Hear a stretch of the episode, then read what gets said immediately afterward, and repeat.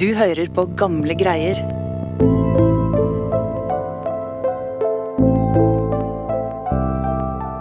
Dagny Juel fra Kongsvinger var en vaskekte it-jente på 1890-tallet.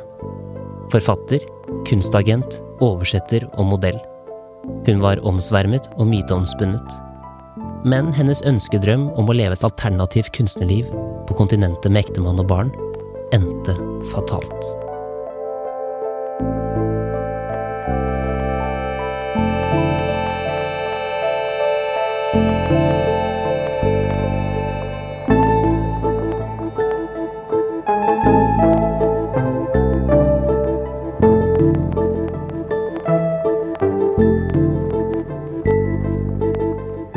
På Gamle greier, en historiepodkast fra Nasjonalbiblioteket.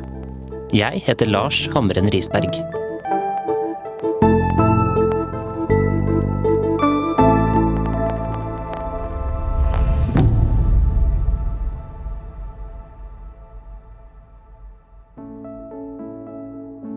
Året var 1892, og ved et svart piano dekorert med fotografier av venner og familie, satt ei slank ung kvinne med rødlig hår og lyse, blå øyne. Chris Nyborg, lokalhistoriker på Nasjonalbiblioteket. Kvinna ved pianoet var 25 år gamle Dagny Juel, ei av de fire døtrene til distriktslege Hans Lemmik Juel og Minda Blair. Dagny var farens øyensten og matcha ham både i sin rastløse væremåte og hårfargen. I tillegg til å spille godt klaver hadde hun fått opplæring i både fransk og tysk. Hun hadde vært på kostskole i Erfurt, og bodd i Kristiania i en periode. Der hadde hun blitt kjent med kunstnere som Edvard Munch og Gustav Vigeland.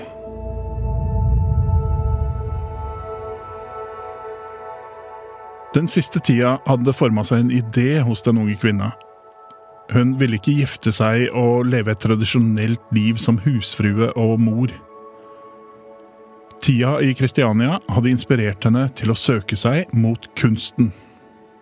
Men Dagny spilte piano, noe som ble anerkjent som en borgerlig og ordentlig syssel. Og hun fikk derfor full støtte hjemme på ideen om å reise til utlandet for å fortsette med klaverstudier der. Nå var bare hinderet at hun måtte komme inn på en skole.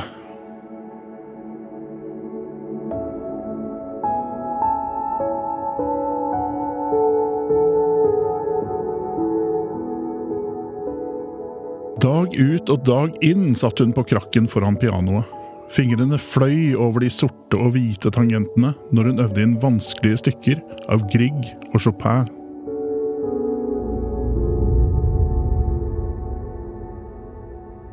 Og en dag kom endelig beskjeden. Hun hadde fått plass på en pianoskole i Berlin.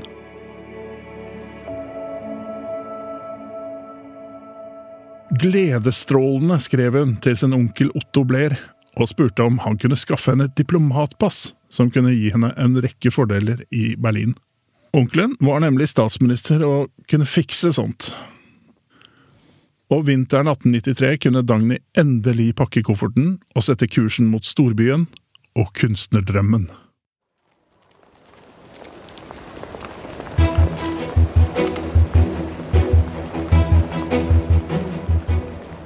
En kald februardag var Dagny på plass i Berlin. Her leide hun seg et rom hos en frau Nebendal i Potsdamerstrasse.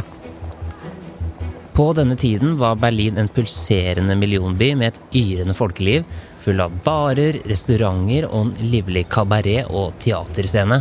I tillegg til å være et sentrum for kunst og litteratur. Og hun kasta seg ut i storbylivet. På dagtid studerte hun piano på en privat musikkskole for talentfulle musikere. Og når hun ikke spilte, skrev hun noveller, dikt og dramatikk. Hun skrev fram en ny type kvinne i tekstene sine, aktiv og drevet av begjær. Jeg vil fortelle mitt livs forunderlige historie. Kanskje vil ikke alle finne den så forunderlig. Kanskje er det samme hendt med flere, men jeg har aldri hørt noe om det. Og derfor tror jeg at jeg er den eneste som har lidd denne tragiske, mytiske livsskjebne å stirre på.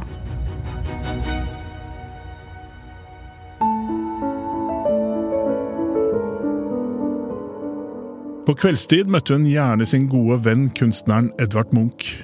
Enten de møttes ute eller i hans studio, der han malte et portrett av henne.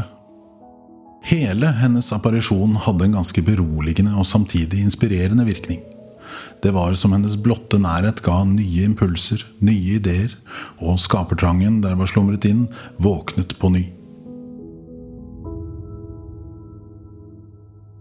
Munch ble i det hele tatt en viktig døråpner inn til kunstnermiljøet i byen. Han introduserte henne for de toneangivende kunstnerne som hadde sitt faste tilholdssted på kneipa som Schwarzen Ferkel, Den sorte gris. Der festa radarparet fra Norge med kultureliten. Kretsen på Den sorte gris var mannsdominert, men det ble tidlig klart at Dagny ikke hadde noe problem med å hamle opp med mannfolka. Hun kunne diskutere, drikke og danse fletta av de fleste. Mange av kunstnerne ble bergtatt av den talentfulle kvinna fra Kongsvinger. Hun ble stadig sett eh, arm i arm med ulike menn. En av dem var den svenske dramatikeren August Strindberg. Han ga henne tilnavnet Aspasia, etter den kjente elskerinna fra antikken. Hun levde virkelig ut drømmen. Ja, hun gjorde virkelig det. Var på vei mot noe.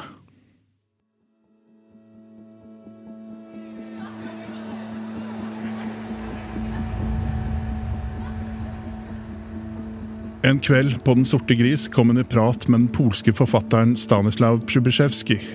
Han hadde mørkt, bustete hår og et intenst blikk, og snart skulle gnistene fly mellom de to.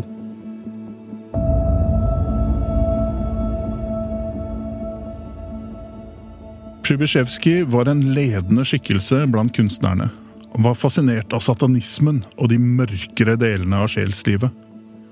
Han trakterte pianoet med en voldsomhet som fikk det til å høres ut som et helt orkester. Fra dette møtet var de to uatskillelige. Paret ble observert på elegante Kafé Monopol og var selvskrevne på Den sorte gris. Han ga henne kallenavnet Dacho, som betyr sjel eller ånd, og følte at hennes nærvær åpna opp nye sider av ham som forfatter. Jeg kjente ikke kjærligheten. Kjente ikke meg selv. Og alt det som var med ukjent, de ubevisste drivfjærene til min egen gjøren og laden, det som var min sjels store hemmelighet, det tvang hun frem. I henne ble det hemmelighetsfulle i min sjel kroppsliggjort. Ja, ser du, hun er min høyeste intellektuelle og estetiske nytelse.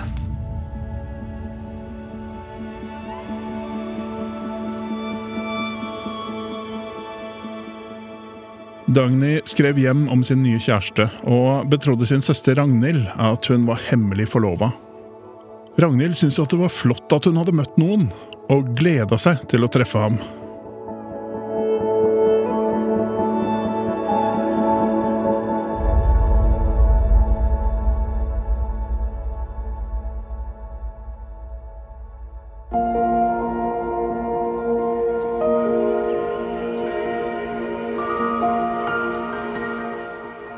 Den 18. august 1893, bare noen få måneder etter at de møtte hverandre første gang, stilte Dagny og Stanislav på byfogdens kontor i bydelen Tiergarten.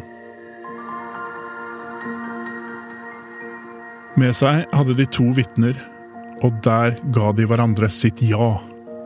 Og betalte én mark for vigselsattesten. Og før familien i det hele tatt hadde møtt hennes utkårede, så hadde de to tatt steget videre. Sammen med Stanislav kunne hun jo fortsette å realisere kunstnerdrømmen, selv om hun var gift.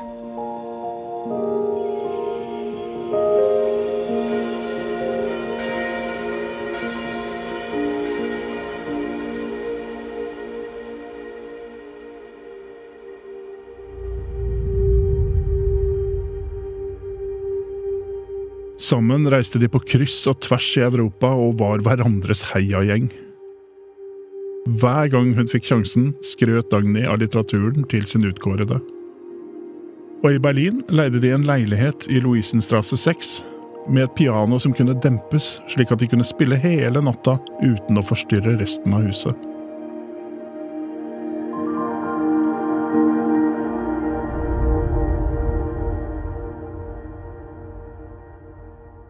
Men snart skulle idyllen slå kraftige sprekker.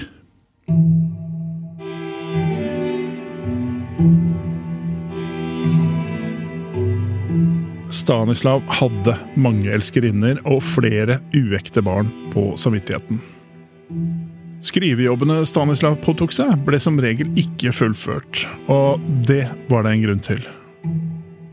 Han drakk veldig mye, og kom seg ikke opp av senga før langt utpå dagen.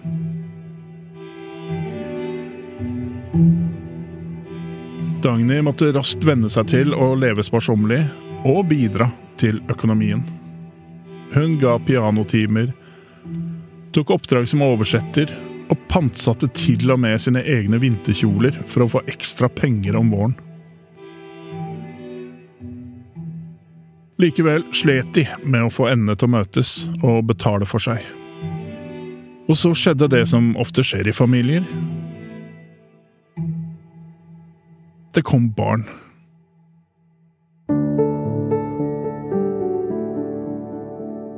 Først sønnen Zenon, som ble født i 1894. Og bare tre år etter kom datteren Iva. Og med to barn å forsørge ble det enda knappere med penger og tid.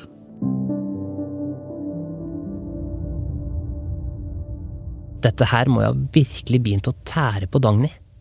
Ja, men for henne var det ikke aktuelt å gi opp og flytte hjem og leve et tilbaketrukket liv.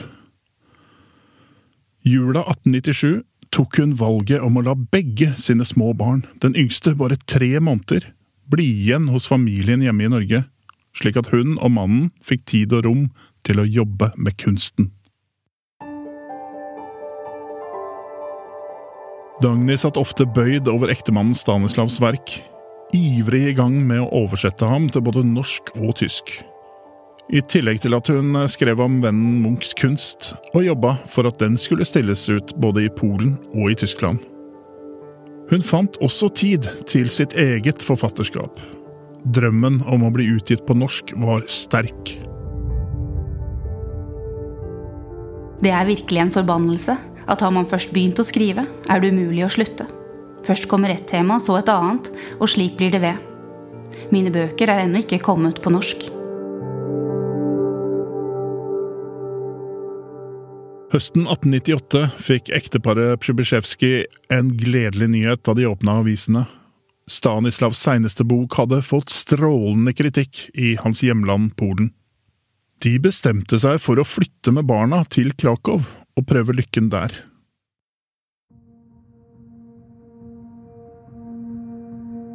Stanislav fikk en redaktørstilling i tidsskriftet Zjitsje, og familien bosatte seg på Karmelikkagata, sentralt i byen.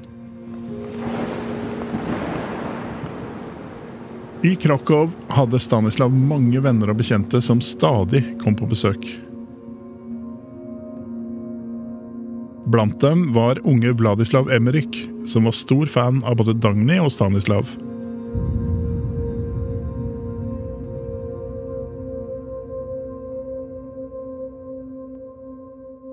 Mens Stanislav trivdes som fisken i vannet og gikk fra rangel til rangel, så hadde Dagny vanskelig for å finne seg til rette i de nye og fremmede omgivelsene.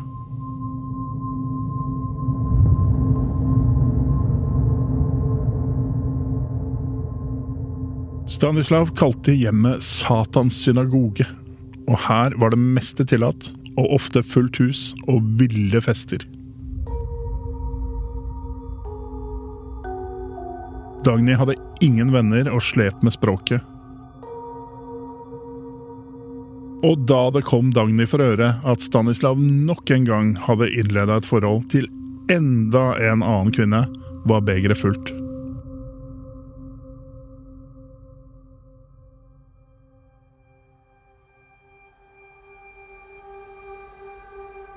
Ensom i en by som ikke var hennes, med to barn, bestemte hun seg for at nok var nok.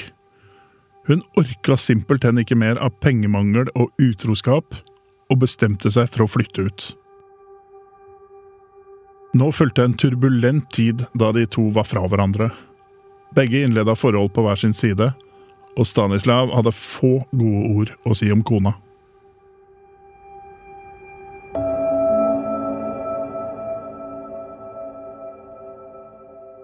Men da Dagny om sommeren tilbrakte tid hjemme på Kongsvinger, gikk hun likevel rundt og venta på brev fra Stanislav. Hun klarte ikke helt å gi slipp, og endte med å ta med seg barna tilbake til det turbulente forholdet i Polen.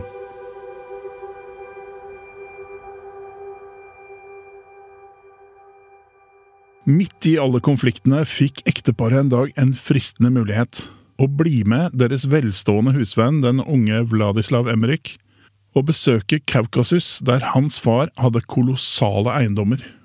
Der kunne de bo staselig mens de jobba for å finne tilbake til hverandre, uten å stresse med å få endene til å møtes. Sliten, og med omsorgen for to barn, var Dagny nølende til å reise langt vekk. Men dette kunne også være en vei ut av problemene.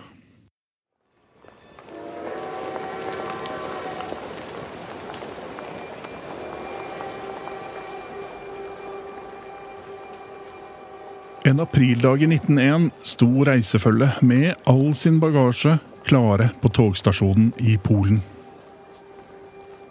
Men plutselig sa Stanislav at han ikke kunne reise likevel. Noe hadde kommet i veien. Men han forsikret sin kone om at han skulle komme etter så snart han bare kunne, og at hun bare kunne reise i forveien. Dagny aksepterte dette og satte seg på toget sammen med Emrik og sønnen Zenon, mens ektemannen og datteren sto igjen på perrongen.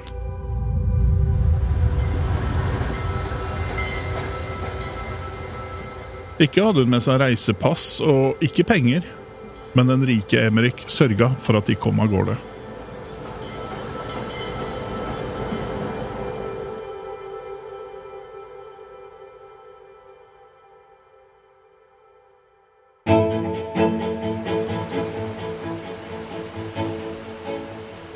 Etter å ha vært på reise i tre uker kom de fram til et sommervarmt Tiblisi.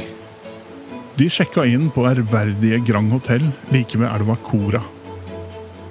Emrik løy og fortalte at Dagny var hans søster, og fikk nøklene til rom fire og fem. Dagny var betatt av det vakre landskapet og sendte postkort med bilde av byen til familien. Nå gjensto det bare å vente på at Stanislav skulle ankomme.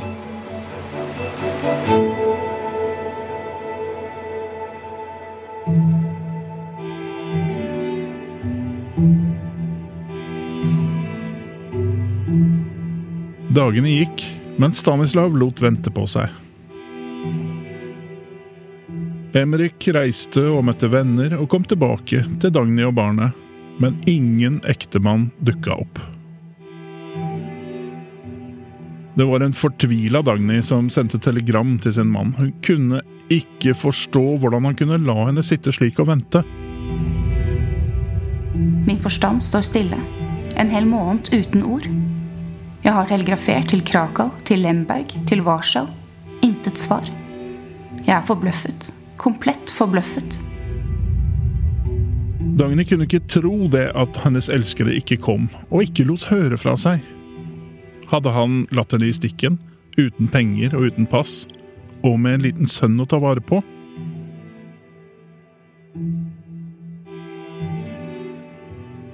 Dessuten begynte Emrik, som bodde vegg i vegg, å virke følelsesmessig ustabil. Og Dagny fortsatte å skrive til sin ektemann. Se er viktig. Svært viktig. Du må absolutt og omgående sende penger og pass. Hvis ikke vil jeg kunne havne i en riktig lei situasjon. Men ingen mann, ingen penger og intet pass kom. Igjen hadde Stanislav skuffa, og regelrett svikta sin kone.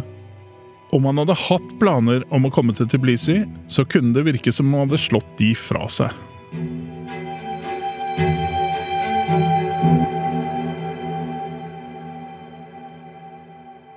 Tilbake satt Dagny alene på et hotellrom i et fremmed land der hun ikke kunne språket, og ikke kunne komme seg noe sted for egen regning. Hun var prisgitt Vladislav Emrik. Og heller ikke på hotellet kjente hun mange, og flere som en mistanke på den underlige trioen som liksom skulle være i slekt. Hadde Dagny visst hva som foregikk bak hennes rygg, ville hun kanskje gjort et siste desperat forsøk på å komme seg vekk. For Emrik hadde grusomme planer. Det var ikke en bedre framtid han ville gi Dagny. Han var besatt av henne.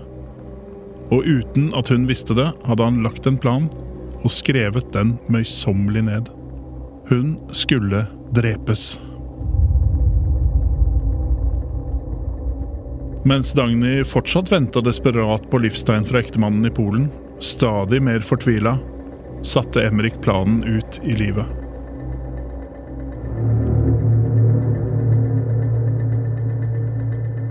En dag da de hadde vært i Georgia i nærmere to uker, gikk Emrik inn på rommet der Dagny oppholdt seg.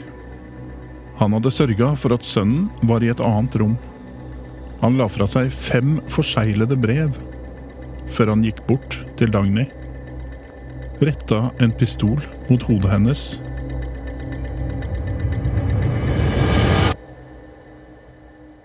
og trakk av.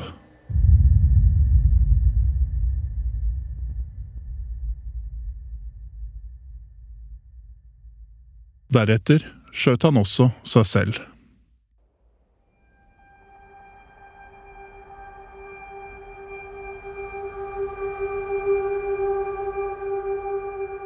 I brevene forklarte han hvorfor han hadde drept Dagny. Jeg dreper henne for hennes egen skyld. Hun var ikke av denne verden, hun var altfor eterisk til at man kunne fatte hennes egentlige vesen. Hun var godheten selv, den slags godhet som kalles kongelig og som oppstår av forakt.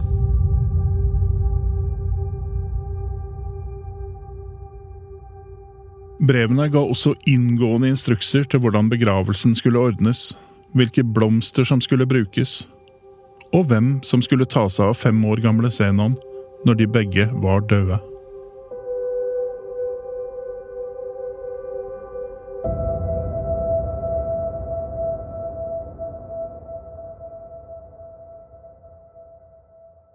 Dagny Juel ble begravet i Tiblisi den 8. juni 1901 på det som skulle ha vært hennes 34. fødselsdag. En rekke ondsinna rykter ble spredt i europeiske aviser. Innlandsposten 19.6.1901. Norsk dame skutt i Kaukasus. Berliner Lokal Ansiger har i disse dager brakt en beklagelig meddelelse som i særlig grad vil vekke deltakelse og sorg her på Kongsvinger.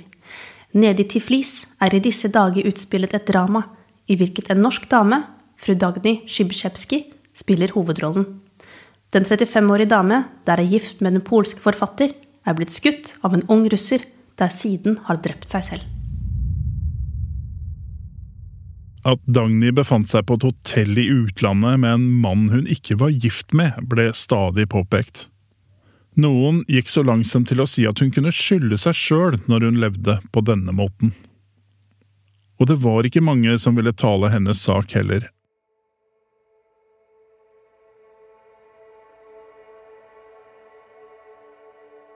Men hennes gode venn og samarbeidspartner Edvard Munch skrev en artikkel i Kristiania Dagblad og tok henne i forsvar.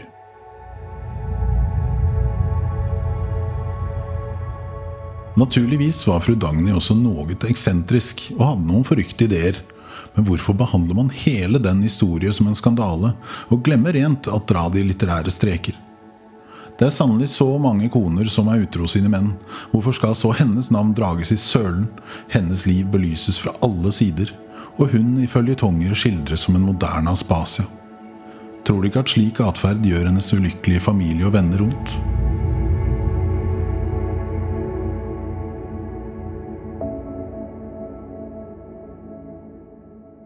Dagny Juel skrev dikt, skuespill, noveller og prosalyriske tekster. De prosalyriske tekstene og to av skuespillene ble utgitt mens hun levde. Resten av tekstene er utgitt senere. Lenge sto Dagny i skyggen av sine berømte bohemvenner. Men i senere tid har man fått øynene opp for den kunstneren Dagny var.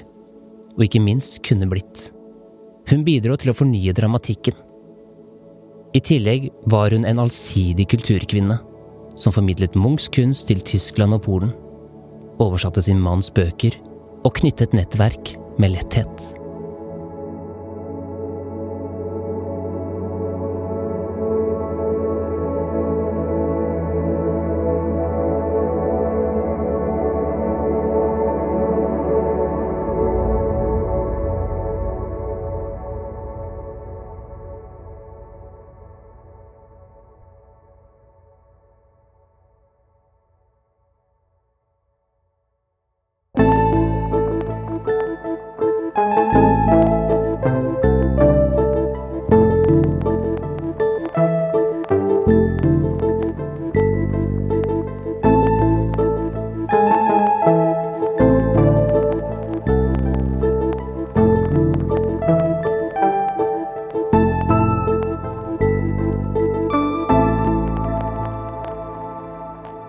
Episoden er laget av Ina Fjellhøy, Ragna Nordenborg, Dang Trind og meg, Lars Hammeren Risberg. Tusen takk til Mona Pedersen, avdelingsdirektør og førstekonservator ved Kvinnemuseet, for kyndig veiledning og uthenting av arkivmateriale. Brev og postkort skrevet av Dagny Juel, Ragnhild Bekkstrøm og Minda Bler. Aviser fra 1890 til 1902. Aviser fra 1890 til 1902 fra Nasjonalbibliotekets digitale avisarkiv. Bøkene Dagny Juel, Kvinnen og myten av Mary Kay Norseng. Dagny Juel, Tro, håp og undergang av Roar Lishaugen. Dagny Juel, Kvinnen og verket, artikkel i Samtiden av Ole Mikael Selberg. Samlede tekster av Dagny Juel, og fra novellen Rediviva.